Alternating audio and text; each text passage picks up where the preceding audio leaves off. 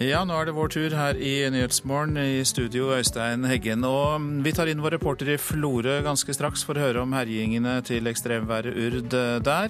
Vi skal også høre mer om eh, tanken på hva som kunne gått galt, at det også kan gi oss posttraumatisk stress. Bruken av lærlinger skjerpes. Bedrifter som skal levere til det offentlige må som hovedregel ha lærlinger. Og Israel beskylder USA for å stå bak FN-resolusjonen som kritiserer bosettingene på Vestbredden. Som vi hørte i Dagsnytt, ekstremværet Urd er over, men tak og campingvogner og juletrær har blitt tatt av den kraftige vinden. E6 over Dombås er stengt, og E18 på Vinterbrosletta i Follo er sperret etter at et fire meter høyt skilt blåste ned over veien.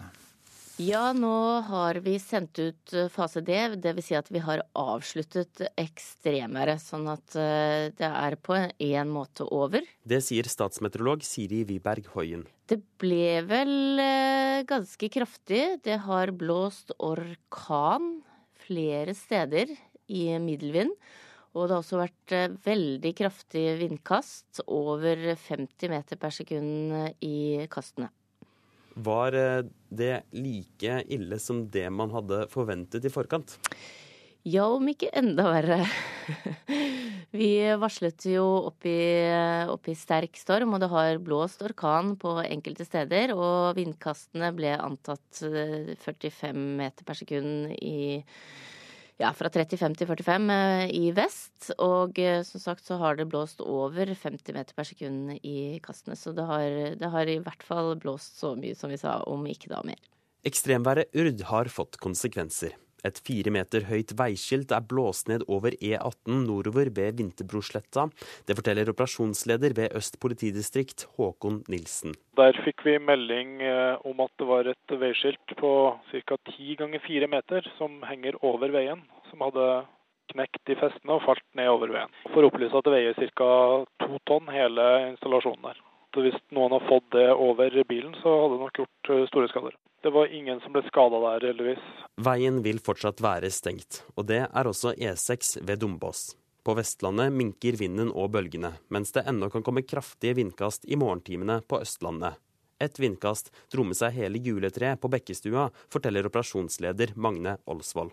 Vi har vært ute på mm, flere trær som har blåst over ende. Siste nå for ti minutter siden når juletreet på Bekkstua gikk i bakken. Der eh, er vi for øyeblikket. Det er ingen som er eh, skada, og det skal ikke ligge til hinder for trafikken. Så det blir nok liggende til eh, utpå dagen. Reporter Martin Holvik. Og så til reporter Bård Siem. Du er i Florø, nærmest helt ute i havgapet. da. Hvordan har Urd herja der? Ja, her eh, har det også vært herjinger. Eh, det er det ikke tvil om. Eh, vi var ute sjøl i går kveld, og, det var så sterk vind at vi greide nesten ikke å stå oppreist. Og her er det nå ca. Hatt nå er brannstasjon i, i Florø, og de har hatt ca. 20 utrykninger. Eh, i går kveld og natt.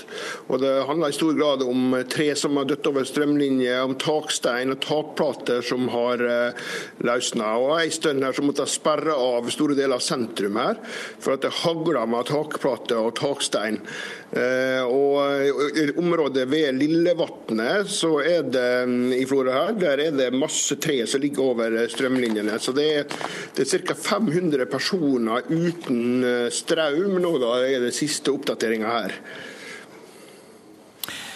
Og eh, hva forventer man eh, vil skje videre nå i Florø der du er? Har det roet seg såpass at eh, man er tilbake til normale værforhold? Ja, Det ble en del fortsatt her, da, men det er mm, roa seg veldig.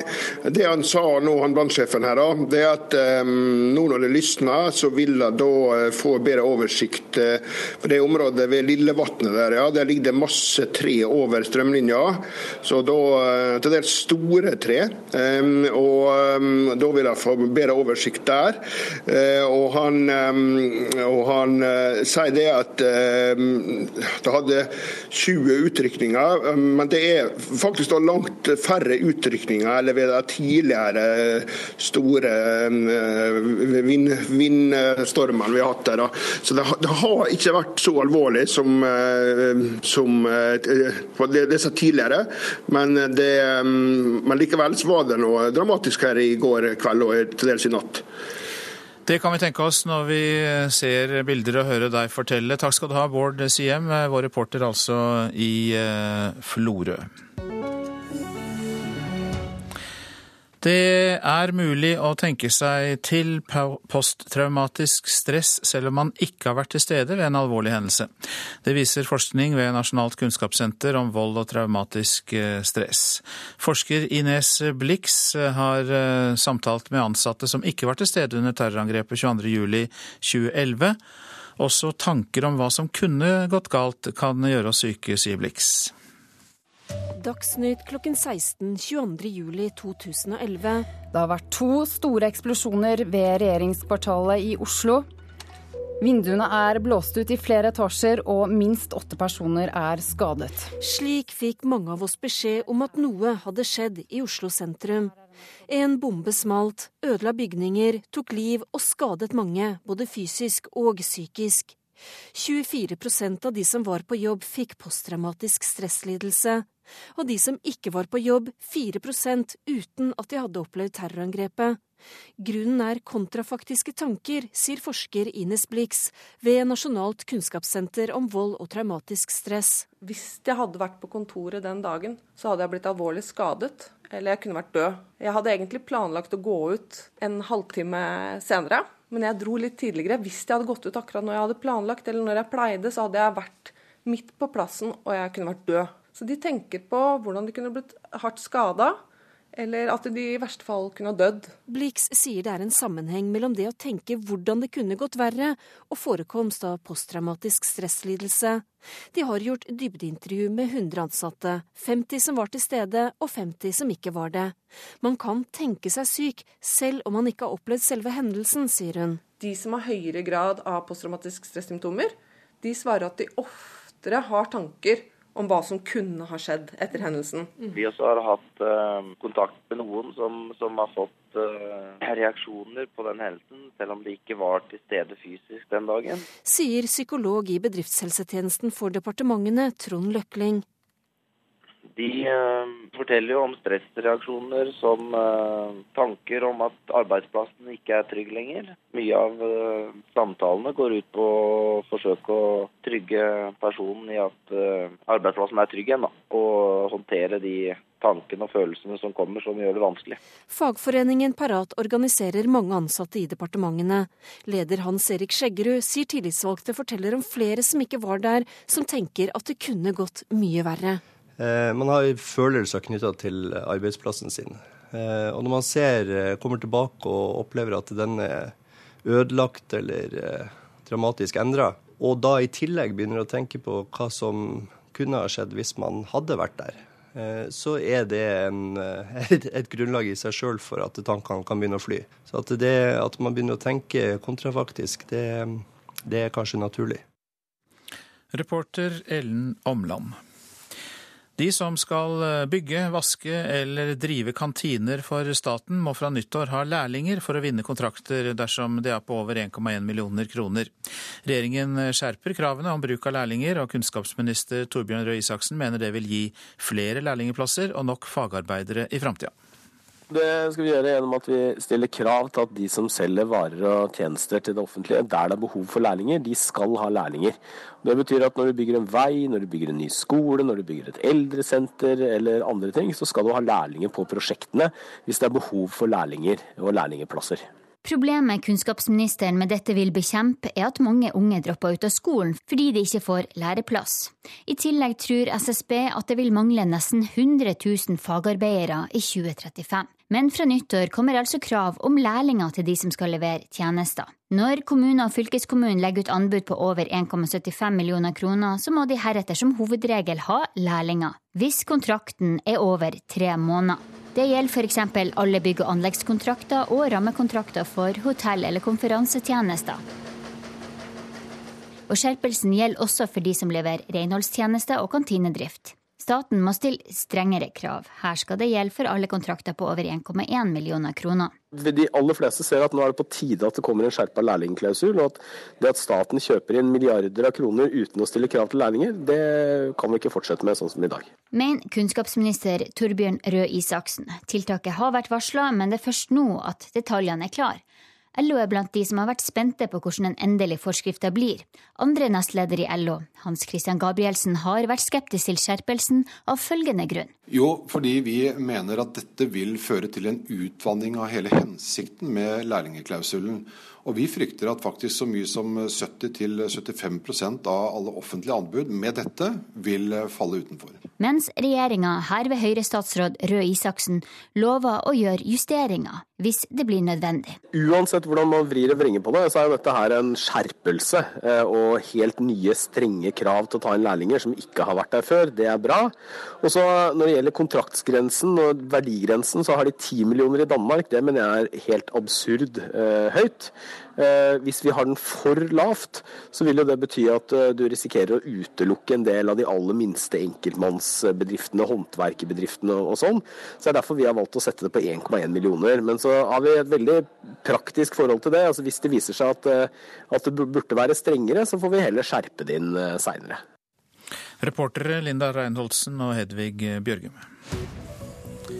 Dette er Nyhetsmorgen, og klokka nærmer seg 7.15. Og vi har disse hovedsakene. Ekstremværet Urd er nå over på Vestlandet og østafjells. Vind og bølgehøyde minker, men E6 over Dombås er stengt, og E18 på Vinterbrosletta i Follo er sperret, etter at et stort skilt blåste ned over veien. Tanker på hva som kunne ha gått galt, kan også gjøre oss syke. Posttraumatisk stress kan vi få uten å ha opplevd et traume, viser forskning vi nettopp har hørt om. Og bruk av lærlinger skjerpes. Bedrifter som skal levere til det offentlige, må som hovedregel ta imot lærlinger. Israels statsminister Benjamin Netanyahu beskyldte søndag USA for å stå bak FN-resolusjonen som slår fast at de israelske bosettingene på Vestbredden er i strid med folkeretten. USA lot være å legge ned veto mot eh, dette forslaget i FNs sikkerhetsråd fredag, og resolusjonen har vært et hovedtema i eh, amerikanske medier gjennom julehelgen. Israels ambassadør til USA, Ron Dermer, fikk oppgaven med å forklare til amerikanske medier hvorfor hans regjering reagerer så sterkt på at USA ikke brukte veto mot Sikkerhetsrådets første resolusjon om bosettinger på 36 år.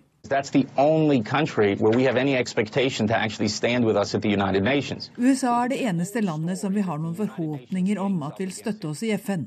Det er en kjent sak at FN rotter seg sammen mot Israel, sa dermed til CNN i går, og fortsatte. What is new is that the United States did not stand up and oppose that gang up. And what is outrageous det som er nytt, er at USA ikke sto opp mot sammensvergelsen. Og det som er skandaløst, er at USA faktisk sto bak den sammensvergelsen. Vi har klare beviser som vi vil legge fram for den nye ledelsen i USA, og det er opp til dem om de vil offentliggjøre informasjonen, sa ambassadør Dermer til CNN. Obama-administrasjonen har ikke uttalt seg til amerikanske medier utover det FN-ambassadør Samantha Power sa fredag da hun forklarte at bosettingene representerer et vesentlig hinder i arbeidet med å få til en tostatsløsning i Midtøsten. Men andre har sagt noe. Den republikanske senatoren Lindsey Graham sier at han vil jobbe for tverrpolitisk enighet om å kutte eller redusere USAs pengestøtte til FN. Graham er leder for den underkomiteen i Senatet som har ansvaret for bevilgningene. Påtroppende leder for den demokratiske minoriteten i Senatet, Chuck Schumer, oppfordret før fredagens avstemning president Obama om å bruke vetoretten. I det amerikanske offentlige ordskiftet er det nå svært få stemmer som forsvarer det som mange oppfatter som et svik overfor USAs viktigste allierte i Midtøsten. Men innad i Obama-administrasjonen har det over år bygget seg opp en irritasjon over at den israelske regjeringen tillater stadig nye bosettinger på Vestbredden. Utenriksminister John Kerry sa nylig på et møte her i Washington at høyreorienterte medlemmer av Netanyahus regjering arbeider bevisst for å ødelegge ethvert håp om en tostatsløsning. Kerry selv oppga fredsmeglingen i april 2014, men er ventet å holde en tale om veien videre før han går av 20. Trumps nyutnevnte ambassadør til Israel, David Friedman, har selv samlet inn penger til nye bosettinger, og Trump selv har varslet en mer Israel-vennlig politikk. Groholm, Washington. Japans statsminister er ankommet Hawaii 75 år etter angrepet på marinebasen Pearl Harbor. Senere i dag skal han sammen med president Barack Obama besøke Pearl Harbor. Det japanske flyangrepet i desember 1941 trakk jo USA inn i andre verdenskrig. Japans statsminister Shinzo Abe på vei ned flytrappa. Det skulle ta 75 år før det ble naturlig for en japansk leder å besøke Hawaii.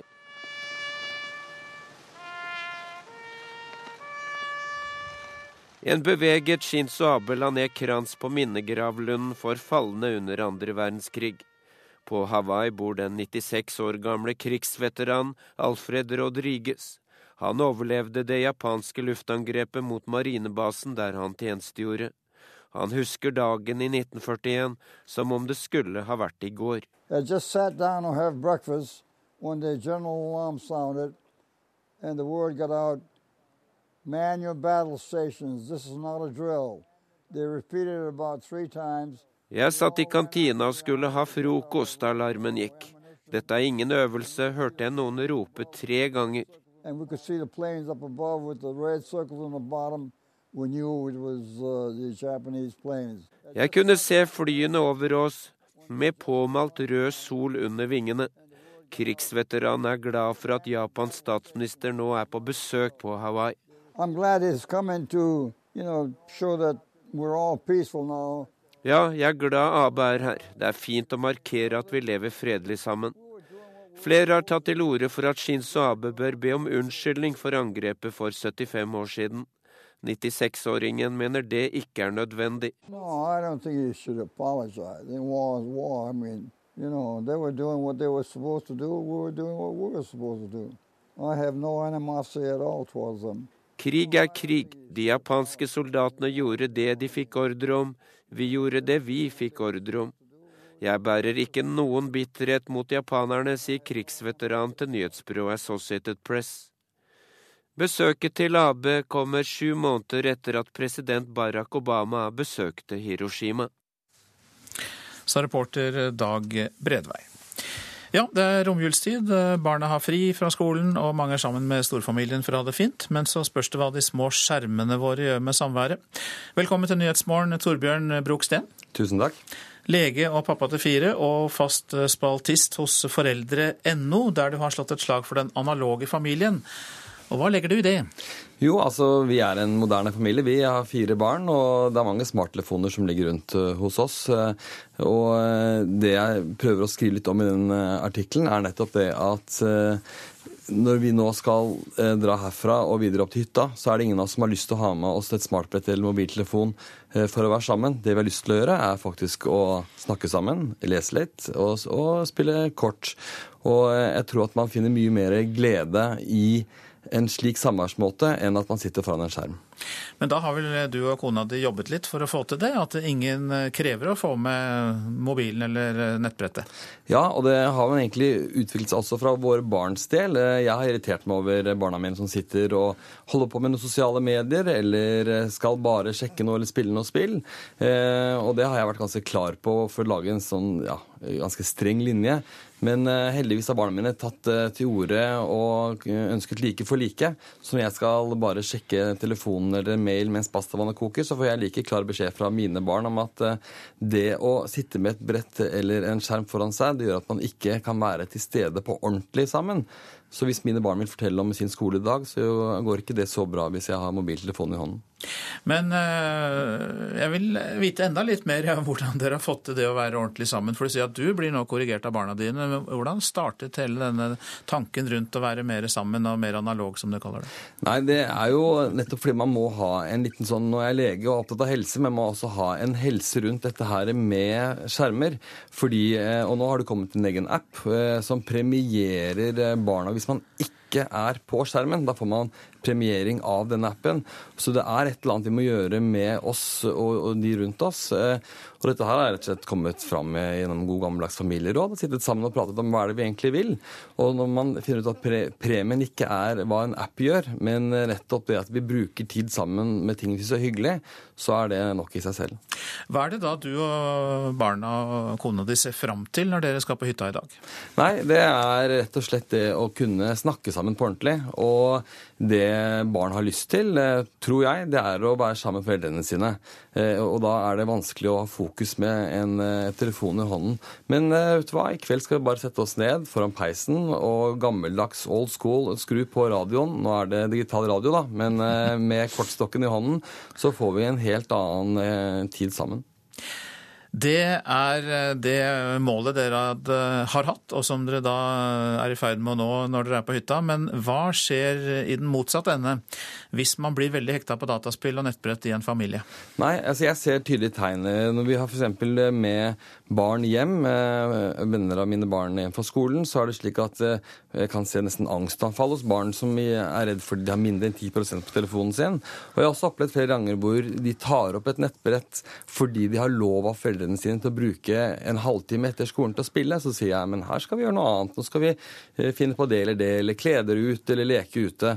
Og, og, og blir sett på meg med litt vantro, for dette har de fått lov til. Slik at det er nok en sånn tendens til at foreldrene gjør dette her. Og jeg ser litt på det også som en sånn smukk. Altså når barna er urolige, eh, f.eks. på vei opp til hytta i bilen, eller urolige ellers, så får de et nettbredd for å dempe uroen. Og det syns jeg er eh, for uroligende. Vi tar det med oss videre. Hjertelig takk for at du kom innom Nyhetsmorgen nå i romjulen. Torbjørn Broksten, lege, pappa til fire og spaltist.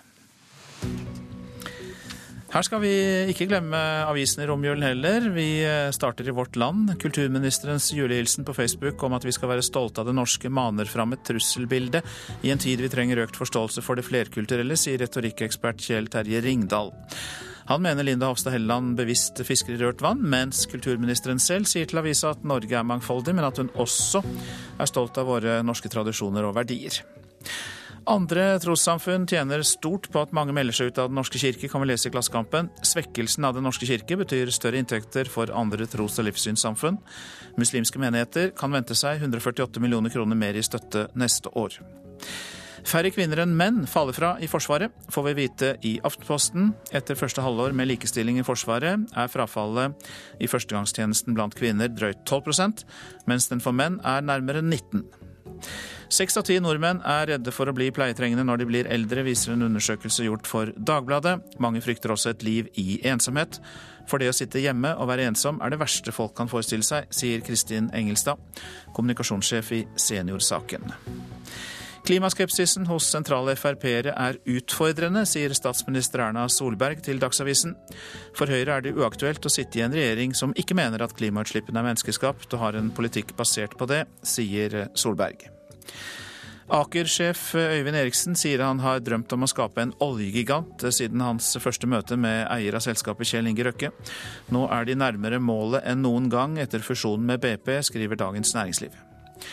Varsler oljeprisrally neste år, er oppslaget i Finansavisen. Professorer, eksministre og analytikere tror på oppgang i oljeprisen, og noen av dem tror på 65 dollar fatet i 2017, mot en snittpris på 45 dollar i år.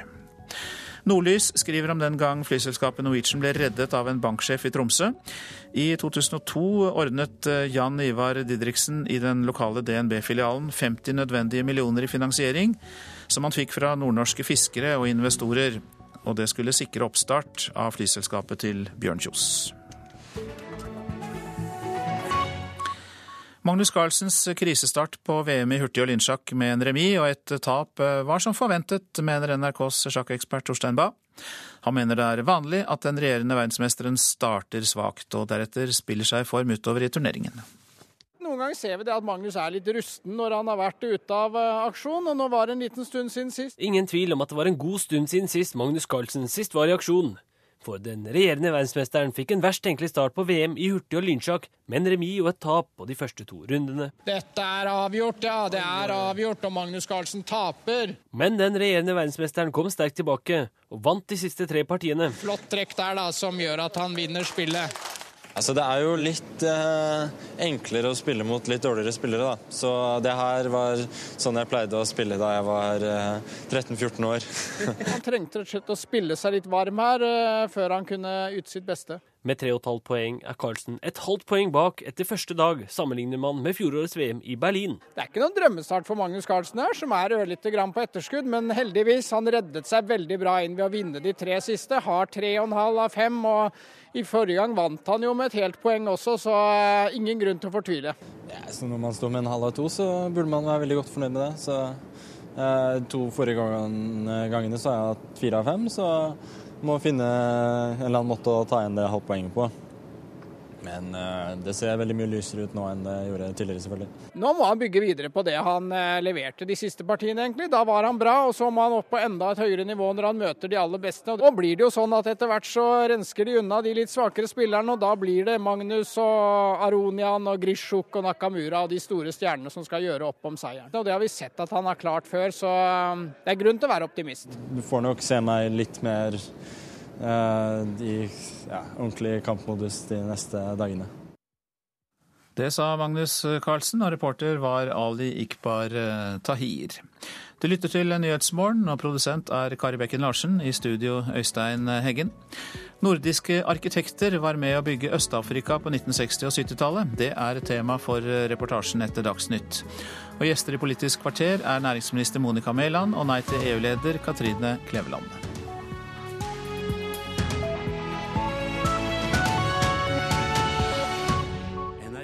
P2 holder deg oppdatert, også i jula. Nyhetsmorgen, nyhetslunsj, Dagsnytt 18. Og vi gir deg møter med mennesker. Hvorfor er det så vanskelig å gi kritikk? Forsvarsmekanismene dine bare stiger i været, og ta det rolig da. Du blir ikke utestengt fra flokken. Hvorfor velger noen mennesker å gå sin helt egen vei? Vi tør å tråkke litt på utsida om det å være menneske. Jeg heter Brede Hangeland. Jeg var profesjonell fotballspiller i 16 år før jeg ga meg for et halvt år siden. Kroppen hadde fått nok. Vi forteller deg hva som skjer, og forsøker å finne ut hvorfor det skjer. NRK P2. Campingvogner, tak og store veiskilt har blåst bort, men nå er ekstremværet Urd i ferd med å gi seg. Regjeringen skjerper kravene. De som skal bygge eller vaske for staten, må ta inn lærlinger. Tanker om hva som kunne gått galt, kan også gjøre oss syke. Her er NRK Dagsnytt. Klokka er 7.30. Ekstremværet Urd er altså nå over, men eh, tak, campingvogner og juletrær har blitt tatt av den kraftige vinden. Veier eh, er stengt, over 70 000 mennesker har vært uten strøm. Meteorologisk institutt bekrefter at ekstremværet har vært kraftig. Det ble vel eh, ganske kraftig. Det har blåst orkan flere steder i middelvind. Og det har også vært eh, veldig kraftige vindkast, over 50 meter per sekund i kastene. Det sier statsmeteorolog Siri Wiberg Hoien. Ja, nå har vi sendt ut eh, fase D, dvs. Si at vi har avsluttet ekstremværet. Sånn at eh, det er på en måte over. Men ble det like ille som forventet? Ja, om ikke enda verre. Og selv om vinden har veltet trær og blåst av tak, har det ikke vært meldt om personskader. Et fire meter høyt veiskilt blåste nedover E18 ved Vinterbrosletta, forteller operasjonsleder ved Øst politidistrikt Håkon Nilsen. Der fikk vi melding eh, om at det var et veiskilt på ca. ti ganger fire meter som henger over veien, som hadde knekt i festene og falt ned over veien. For å opplyse at det veier ca. to tonn hele installasjonen der hvis noen har fått det over bilen, så hadde det nok gjort eh, store skader. Det var ingen som ble skada der, heldigvis. Veien vil fortsatt være stengt, og det er også E6 ved Dombås. På Vestlandet minker vinden og bølgene, mens det ennå kan komme kraftige vindkast i morgentimene på Østlandet. Et vindkast dro med seg hele juletreet på Bekkestua, forteller operasjonsleder Magne Olsvold. Vi har vært ute på mm, flere trær som har blåst over ende. Siste nå for ti minutter siden når juletreet på Bekkstua gikk i bakken. Der eh, er vi for øyeblikket. Det er ingen som er eh, skada, og det skal ikke ligge til hinder for trafikken. Så det blir nok liggende til eh, utpå dagen. Reporter her, det var Martin Holvik. Ja, reporter Bård Siem, over til deg nå. Du er i Florø, nærmest helt ute i havgapet. Hvordan har Urd oppført seg der? Ja, nå er det atskillig stillere da, men vi var her i går kveld, og da var det skikkelig sterk vind. Vi hadde rett og slett problemer å, å gå mellom bilen og, og et, et, noen hus vi skulle bort og, og, sjekke. Så det var kraftig vind. Det var noe orkan i kasta i går kveld. Og um, Det som har skjedd her i Florø, da, det er at det er en del takstein, takplater og tre som har uh, dødd utover uh, linjer og sånne ting. Men nå sitter jeg her med varabrannsjef i Flora Abremanger, Eivind Ask, og forteller hvordan, uh, hva som har skjedd her her i, går kveld og i natt? Først av alt så vil jeg kanskje si noe positivt om folk, innbyggere her. fordi at de har virka bedre forberedt. For det var ikke så veldig mye hendelser med jeg tenker på trampoliner, hagemøbler og sånn som vi har hatt på tidligere eh, hendelser. Men det gikk jo med en del trær. Store, tunge trær over kraftlinjer. En del, eh, en del hagemøbler var det nok takstein i sentrum, ikke minst. Når vinden blir nordlig, så er Florø sentrum utsatt for, eh, for, den vinden. Og det blir en del takstein som faller ned i gata. Så vi måtte jo sperre av gata i en periode. Ja, det er ca. 500 personer uten strøm i Sogn og Fjordane nå. Og eh, Aske måtte sperre av deler av Florø sentrum i går kveld. Eh, fortell. Ja, det er dette med takstein. Det er jo en dag i jula der folk gjerne går ut, og, mye ut og på puber og den slags. Og dette med fallende takstein er jo en risiko i seg sjøl. Så Strandgata var, og en del tverrgater var sperra i to-tre timer i går kveld. da. Ja, var sperra, ja. Nå skal vi ut og se på en del eh, rotvelter som falt over eh, kraftlina, eh, og sjekke hvordan det ser ut nå når det begynner å lysne. Takk skal du ha, reporter Bård Siem i Florø, som også snakket med mm, Eivind Ask i brannvesenet. De som skal bygge, vaske eller drive kantine for staten, må fra nyttår ha lærlinger for å vinne kontrakter på over 1,1 millioner kroner. Regjeringen skjerper nemlig kravene om bruk av lærlinger. Kunnskapsminister Torbjørn Røe Isaksen mener dette må til for å få flere læreplasser og nok fagarbeidere.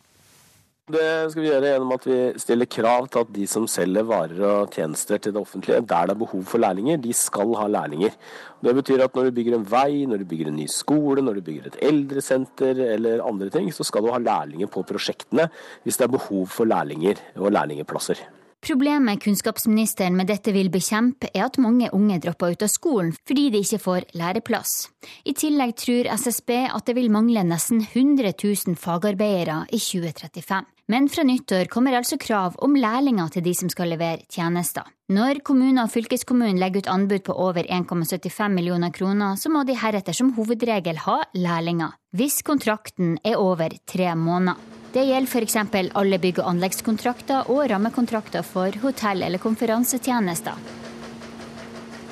Og skjerpelsen gjelder også for de som leverer renholdstjenester og kantinedrift. De aller fleste ser at nå er det på tide at det kommer en skjerpa lærlingklausul. Og at det at staten kjøper inn milliarder av kroner uten å stille krav til lærlinger, det kan vi ikke fortsette med sånn som i dag. Men kunnskapsminister Torbjørn Røe Isaksen, tiltaket har vært varsla, men det er først nå at detaljene er klare.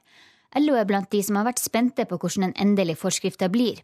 Andre nestleder i LO, Hans Christian Gabrielsen, har vært skeptisk til skjerpelsen av følgende grunn. Jo, fordi vi mener at dette vil føre til en utvanning av hele hensikten med lærlingeklausulen.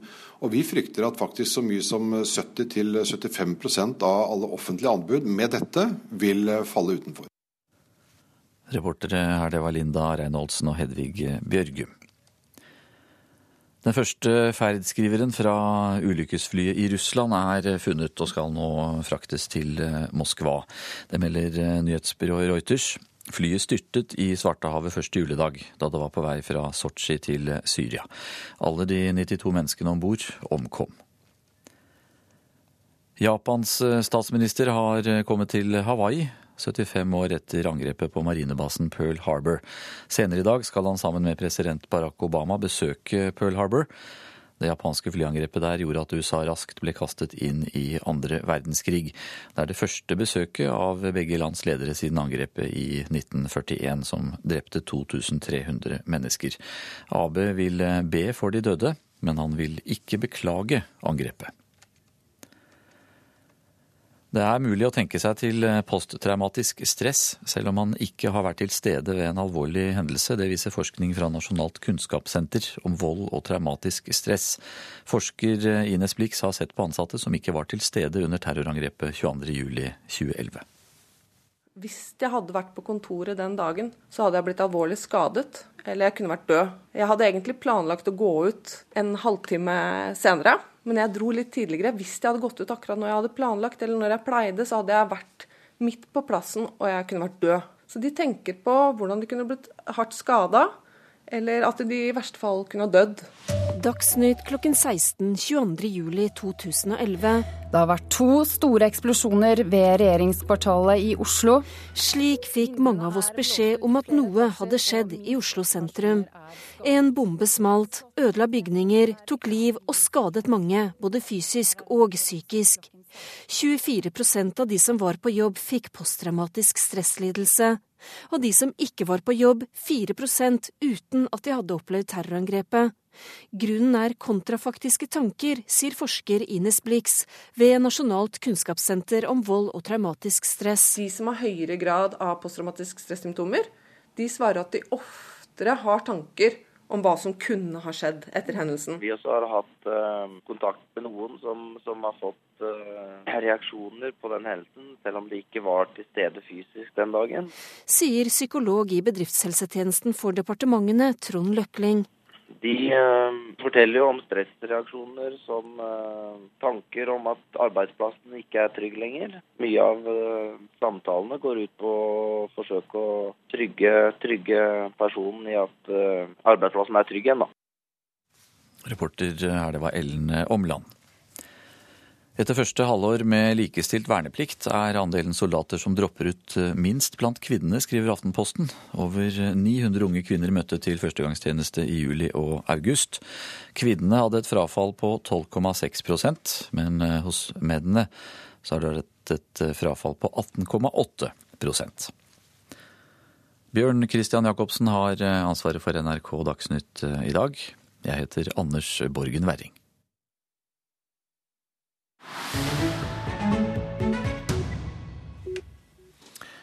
Og dette er Nyhetsmorgen.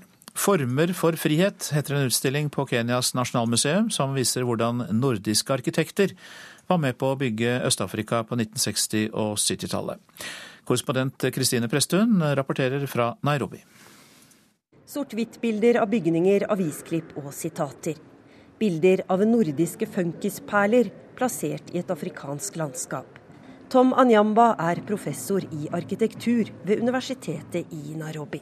African countries had just gotten independence at the beginning of the 1960s. Yeah? And they were kind of trying to run away from the colonial yoke of colonial masters. Afrikanske land hadde nettopp blitt uavhengige på begynnelsen av 60-tallet og prøvde å riste av seg arven fra koloniherrene. De hadde frihet til å bygge landene på nytt, og nordiske arkitekter kom for å være med å bygge denne friheten, bokstavelig talt, forteller Anyamba. Vi stopper foran den første plakaten. So this is the basic poster to show the countries where they had an influence. Yeah? Kenya, Tanzania and Zambia. And the countries that played a major role was Finland, Sweden and Norway. Arkitekter fra Norge, Sverige og Finland tegnet bygg i Kenya, Tanzania og Zambia. Og de hadde stor innflytelse. It was quite a lot because they, they did quite a lot of work and there were uh, many architects involved. Arkitektene var en del av den nye nordiske bistandspakken på 60-tallet. De skulle tegne bygninger med rot i et nordisk ideal om sosial likhet og velferd. Du ser det tydelig når det gjelder boliger, forteller Tom Anyamba. Han er spesielt interessert i et boligprosjekt i Nairobi, tegnet av den norske arkitekten Carl Henrik Nøstvik. So you find that although the house is individual, the external spaces are all communal. Fellesområdet er viktigere enn de private eiendommene, forteller Anyamba. Slik reflekteres den sosialdemokratiske tankegangen i arkitekturen. Han sier at den nøkterne byggestilen med fokus på møteplassene passet godt. Folk på landsbygda var og er vant til å dele mye. Arkitekten Carl Henrik Nøstvik kom til Kenya i 1965 og fikk et ærefullt oppdrag av Kenyatta selv. Landets første president ville at Nøstvik skulle tegne regjeringsbygget i hovedstaden. Jeg har beveget meg til plassen foran KICC, Kenya International Conference Center, og står og ser opp på en høy, sylinderformet bygning. I just admire because it's our Kenyan pride, and that's why I love Dette bygget er Kenyas stolthet, derfor bare må jeg ha et bilde av det, sier 19 år gamle Hessik Nabalo, som har tatt turen hit for å beundre bygget, som også troner på 100-skillingseddelen. Kenyas ikoniske bygg, den gang Afrikas høyeste hus. Nå er jeg inne i foajeen, og her er det et stort, åpent rom. Og det ser ut som om folk fra alle verdenshjørner eh, mingler her. Helt i tråd med Nøstviks idé om å skape møteplasser for folk. What is special about this this building? I think is more the symbolism. Like the amphitheater, it's basically a cone. That is really the basic shape of the most African huts. Det spesielle med dette bygget er blandingen av tradisjonelle og moderne symboler. Amfiteatret er f.eks. For formet som en afrikansk hytte, sier Anyamba. Så hva er professorens dom over de nordiske arkitektene som kom hit med en utviklingsoptimisme? they have succeeded to some degree uh, because you can see a lot of the architecture that has remained behind. Uh, people have adopted to it.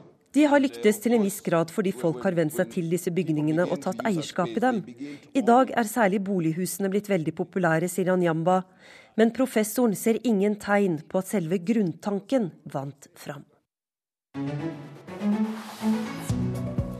Dette er eh, hovedsaker i Nyhetsmorgen. Ekstremværet Urd er nå over, men tak, eh, campingvogner og juletrær har blitt tatt av den kraftige vinden. E6 over Dombås er stengt, og E18 på Vinterbrosletta i Follo er sperret etter at et stort skilt blåste nedover veien. Bruken av lærlinger skjerpes. Bedrifter som skal levere til offentlige, må som hovedregel ha lærlinger. Israel beskylder USA for å stå bak FN-resolusjonen som kritiserer bosettingene på Vestbredden. Og Magnus Carlsen trenger å spille seg varm i VM, sier sjakkekspert Torstein Bae. Carlsen fikk en krisestart på VM i hurtig- og lynsjakk med én remis og ett tap i de første partiene. Nå er det Politisk kvarter ved Håvard Grønli.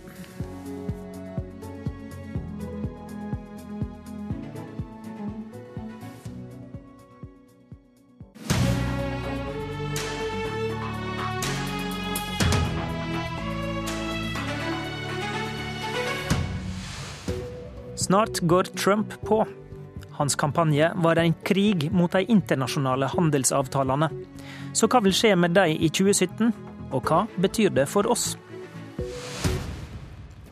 I Politisk kvarter tar vi for oss TTIP, men kommer også inn på TISA og andre avtaler. Her i studio sitter næringsminister Monica Mæland, leder i EU Katrine Klevland og NUPI-forsker Arne Melkjord.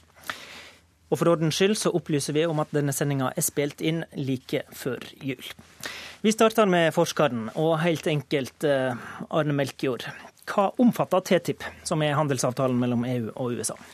Eh, TTIP er jo en omfattende handels- og investeringsavtale som EU og USA har forhandlet om i fire år. Eh, eller i tre år, da. Og man håpet å bli ferdig i Obamas tid, men dette var ikke mulig. Så spørsmålet er nå hva som skjer med avtalen når Trump har kommet med de illevarslende signaler. Det er jo slik at det uansett ville vært en pause på nærmere et år pga. skiftet i amerikansk administrasjon. Men, men, signalene fra Trump tilsier jo at, at framtiden er mer usikker. Samtidig gikk han først og fremst til krig mot avtalene USA har i Nord-Amerika og med Asia. Hva har han egentlig sagt om denne avtalen med Europa? Han har faktisk han har kommet med kraftig kritikk av TPP, den avtalen, store avtalen i Stillehavsområdet. Han har kommet med kritikk av WTO, Verdens handelsorganisasjon, NAFTA-avtalen, og han har sagt han skal rive opp USAs handelsavtaler. Men TTIP-avtalen har han faktisk ikke sagt så mye negativt om. Så, og den er jo mindre kontroversiell i USA. fordi, fordi? Det, det, første er jo at f.eks. TPP i Stillehavet er mer snakk om lavpriskonkurranse. Det er også et spørsmål om, om, rettferdig handel som har blitt et tema i amerikansk debatt, hvor man frykter på en måte u, altså urettferdig konkurranse ved at man har lavere standarder i andre land.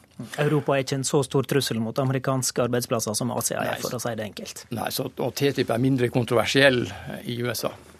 Monica Mæland, næringsminister. Selve forhandlingene er vi ikke en del av, siden vi står utenfor EU, men TTIP påvirker oss uansett. Og det er ditt politiske ansvarsområde sånn sett. Hva tror du, kommer det til å bli en avtale i 2017? Ja, Det vi må huske på, nå har vi akkurat lagt bak oss en eh, ganske røff valgkamp i USA. Eh, det vi må huske på er jo at Trump har ikke vært alene om å snakke ned internasjonal handel. Det gjorde også Clinton, det gjorde også Obama i sin tid. Sånn at det å, det å spille på disse nasjonalistiske følelsene i en valgkamp, det tror jeg ikke er unaturlig. Mitt inntrykk er jo at ambisjonsnivået på begge sider, både i USA og i Europa, var veldig høyt. Eh, man har brukt veldig mye tid og ressurser på dette. Det er en stor og omfattende avtale. Jeg ser ikke bort ifra eh, at forhandlingene kan starte opp igjen når det er gått en periode. Vi må se hva Trump gjør. Og så skal det òg være viktige valg i Europa, eh, som også kommer til å ha et syn på disse tingene. Men neppe en ferdig skal... avtale i 2017, da? Jeg tror, jeg tror, ikke vi skal 2017 tror jeg ikke vi skal ha noe håp om å få noe avtale på plass. Men jeg ser ikke bort fra at man i løpet av neste fireårsperiode faktisk setter seg ved forhandlingsbordet og avslutter forhandlingene. Håper du at forhandlingene kommer skikkelig i gang og fører fram til en avtale? Jeg er grunnleggende for økt internasjonal handel, rett og slett fordi det skaper aktivitet, det skaper arbeidsplasser og det skaper verdier. Og så er jeg for eh, at vi bygger ned eh, proteksjonistiske eh, hindringer.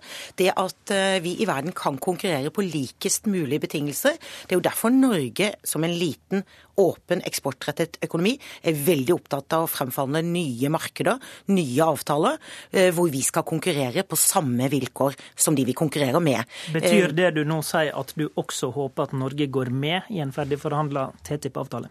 Nei, det har ikke regjeringen tatt noe konklusjon uh, med hensyn til. Men det høres vi... ut som du legger fram alle argumenter for? Jeg argument Eh, argumenterer for økt internasjonal handel. Det er viktig for verden, fordi det skaper arbeidsplasser, skaper verdier, eh, og det er bra. Eh, så er det slik at TTIP påvirker oss. Når våre viktigste handelspartnere, altså USA og EU, sitter ved et forhandlingsbord og forhandler frem en avtale, så påvirker det oss. Og Derfor så ba vi NUPI tidligere i år utarbeide en analyse for å se på hvilke, hvilke effekter får dette for norsk næringsliv skal komme til det mm. som Melkejord har levert deg. Men, men, men, du har skrevet at du faktisk mener at slike avtaler sikrer velferden. Mener du det også for Norges del? Ja, økt internasjonal eh, handel er viktig også for Norges del. Vi må huske på at vi er en liten eksportrettet økonomi. Hva betyr det? Det betyr at vi er helt avhengig av å selge eh, våre varer eh, og tjenester ut i verden. Da skal vi gjøre det på best mulig vilkår, og ikke minst i konkurranse og lik konkurranse med andre land. Så for vårt næringsliv så er internasjonal handel nye markeder. Veldig, veldig viktig. Og Derfor prioriterer jo eh, regjeringen høyt nå arbeidet med både nye handelsavtaler, men også eh, den situasjonen vi har knyttet til Storbritannia. Eh, det faktum at de skal ut av EØS og EU, kommer til å få betydning for oss. Og vi er da veldig opptatt av å sikre norsk næringsliv god markedsadgang osv. Ok. Katrine Kleveland, leder i Nei til EU, og for så vidt også førstekandidat til Stortinget for Senterpartiet i Vestfold. I din um, organisasjon er det stor skepsis til disse omfattende handelsavtalene. Hvorfor skepsisen til, um, la oss eh, ta TTIP, da? Det, det, handler jo om at stadig flere nå innser at disse internasjonale handelsavtalene som handel og investeringer er med på å svekke mulighetene for enkeltpersoner, lokalsamfunn, og at det vil påvirke demokrati og de nasjonale rettssystemene våre, bl.a. via tvisteløsningsmekanismer. Vi er bekymra for mat- og miljøstandarder. Vi er bekymra for flere ting som TTIP vil legge til rette for, og ser nå at dette vil være å gi de internasjonale storselskapene mer makt, og at det vil bli mer makt på færre hender. Når det er sagt, så er jeg jo da, selv om Trump nå er negativ til TTIP, så er det helt riktig at det var eh, Clinton også. Men jeg er jo bekymra for at drømmen om verdens største handelsavtale, den er vi ikke kvitt så lett. Jeg tror kanskje som Mæland her, at det kan, eller og Melchior sa det, at den det kan komme opp igjen, kanskje med et nytt navn. Det er lagt på is. Her er det så store internasjonale interesser at denne er vi ikke kvitt så enkelt. Du ville, egentlig, du ville egentlig håpe at den døde? Ja, jeg har, mener at vi ikke har noe behov for en eh, sånn type handelsavtale. Gjelder, jeg har jo bare lyst til å si at når det gjelder hva Norge eksporterer til USA, i 2015 var det 4 til USA og 22 til Storbritannia. Jeg syns jo at næringsministeren burde bruke mer tid på å få på plass en god handelsavtale med Storbritannia nå når de går ut av EU, istedenfor å bruke tid på USA. Jeg kan forsikre Nei til EU at jeg bruker mye ressurser på å ha en god dialog med Storbritannia. Det er veldig viktig for oss. Storbritannia er vår viktigste handelspartner. Men vi greier altså å ha to tanker i hodet samtidig. Og jeg er veldig uenig i din analyse eh, over hva handelsavtaler betyr. Dette er jo ikke eh, barn som inngår avtaler. Dette er jo reflekterte rettsstater som inngår avtaler med hverandre fordi det sikrer aktivitet, det sikrer arbeidsplasser, det sikrer verdiskaping. Eh, og derfor så er vi opptatt av å skaffe Norge best mulig betingelser. Det handler jo om å skaffe norsk næringsliv, norske bedrifter, adgang til både eksisterende og nye markeder. Vi håper okay. bl.a. å eh, avslutte våre forhandlinger med India. Det er altså et marked med én milliard mennesker. Kjempeviktig for norsk næringsliv. Arne Melkjord, du leier et forskningsprosjekt som nå er nevnt, som leverte en rapport til Mæland i november. Der så dere mellom annet på hva norske næringer som ville nyte godt av en TTIP-avtale, og hva for noen som ville lide mer mer. Eh, la oss si at Norge blir med i en ferdigforhandla TTIP. Hvem vinner og hvem taper på det i Norge? De som uh, først og fremst tjener på det, det er jo altså Du har en del viktige industrinæringer som ville tape på å stå utenfor, fordi at konkurransevilkårene blir svekka i de viktigste eksportmarkedene. I tillegg så er det viktige tjenestenæringer som, som, vil tjene på en slik avtale og få økt sin produksjon og arbeidsplasser. De som ville tape på det, ville være særlig landbruket, fordi at Norge har et veldig høyt tollvern, og det vil være utsatt i en slik avtale. Så den studien vi laget, den går jo nærmere inn på landbrukssida og sier at det er på en måte ikke kroken på døra, selv om landbruket vil være utsatt i en slik avtale. Hva med fiskeri? Fiskeri eh, vil, kunne, vil absolutt eh, altså Tollen i USA er ikke veldig høy. Men det er betydelig toll som gjenstår i EU, så avtalen vil være viktigst ved at den kan muliggjøre å fjerne tollen på, på 900 millioner som vi betaler i EU i dag for norsk eh, fiskeeksport. Så, så, så fiskerinæringa vil tjene på en avtale. Det som også er viktig å si, det er det at at uh, fordi disse markedene er så store, så betyr uh, makrovirkningen, det at det kanskje blir en prosent ekstra vekst i USA og EU, det, det, er en virkning som går på tvers av alle næringer, og som er viktig for Norge som et lite land. Mæland, når du skal ta eh, stilling til en ferdig avtale, må du vekte negative konsekvenser for landbruket mot positive konsekvenser for andre næringer, da? Ja, Når regjeringen tar stilling til dette, for det gjør jo ikke jeg alene, så er det jo slik at vi eh, erfaringsmessig har offensive og defensive interesser. Eh, og det defensive er typisk eh, landbruket, hvor vi har, når vi forhandler, lite å gi fordi vi har vedtatt politikk på dette området. Det er viktig å beholde landbruket i hele landet for oss. Betyr, offensive... betyr, det du sier nå at, at er, du ser negative konsekvenser for norsk landbruk? Jo, men det er jo helt åpenbart, og det vet vi. Det er ikke noe veldig nytt. Men NUPI har altså gjort en dypere analyse av dette. Og så har vi offensive interesser. De er òg veldig viktige eh, for oss. Så når vi fremforhandler avtaler og tar stilling til innholdet i de, så må vi gjøre en totalvurdering av hva som tjener Norge, norske interesser, norske arbeidsplasser. Og det er jo nettopp landbruket som, som NUPI-rapporten viser kommer eh, verst ut. Og det vil jo da Da vil vi avvikle tollvern, vi må importere mer. Og jeg er også bekymra for senka mat- og miljøstandarder, som er noe av det som gjør at både store forbruker, at Forbrukerrådet både i Norge og europeiske forbrukerrådet er skeptisk til, til TTIP. Det handler om senka mat- og miljøstandarder. Det er snakk, snakk om, snakk om eh, GMO. Altså hormoner, mindre, med mer eh, antibiotikabruk, klorvasking av kyllinger. Dette har gått om igjen og om igjen. Men når det gjelder landbruket, så er det jo da opp til Mæland å si at hva, enten må landbruket legges ned, eller så må du øke subsidiene for å holde oppe et landbruk som i dag. Og da vil vi jo mye heller beholde ordningen vi har i dag.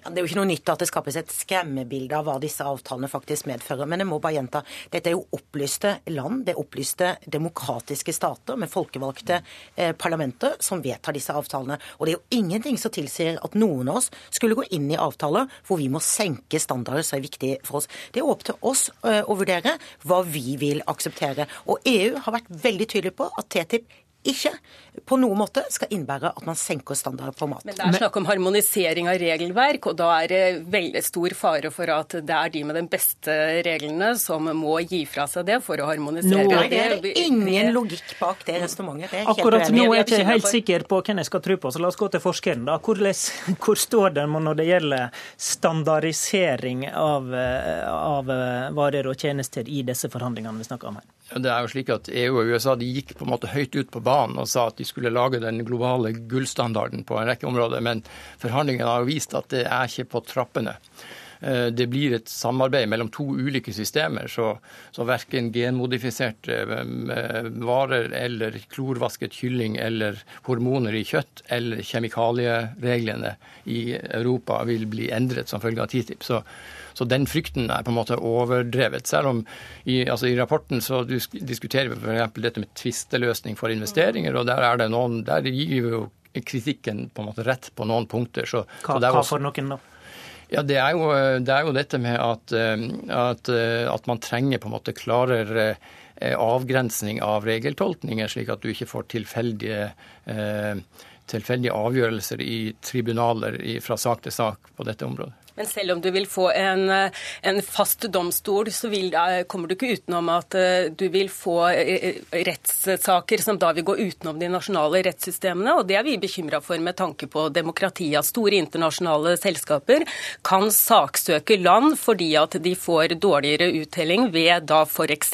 sånn røykeloven var i Norge. Og da, da snakker vi om den gode, gamle sjølråderetten. Ja, som lager seg. Men igjen, det er jo slik at det er land med Eh, veldig godt og med lange historier innenfor rettssystemet, som har grunnlover som ivaretar eh, rettssikkerheten vår.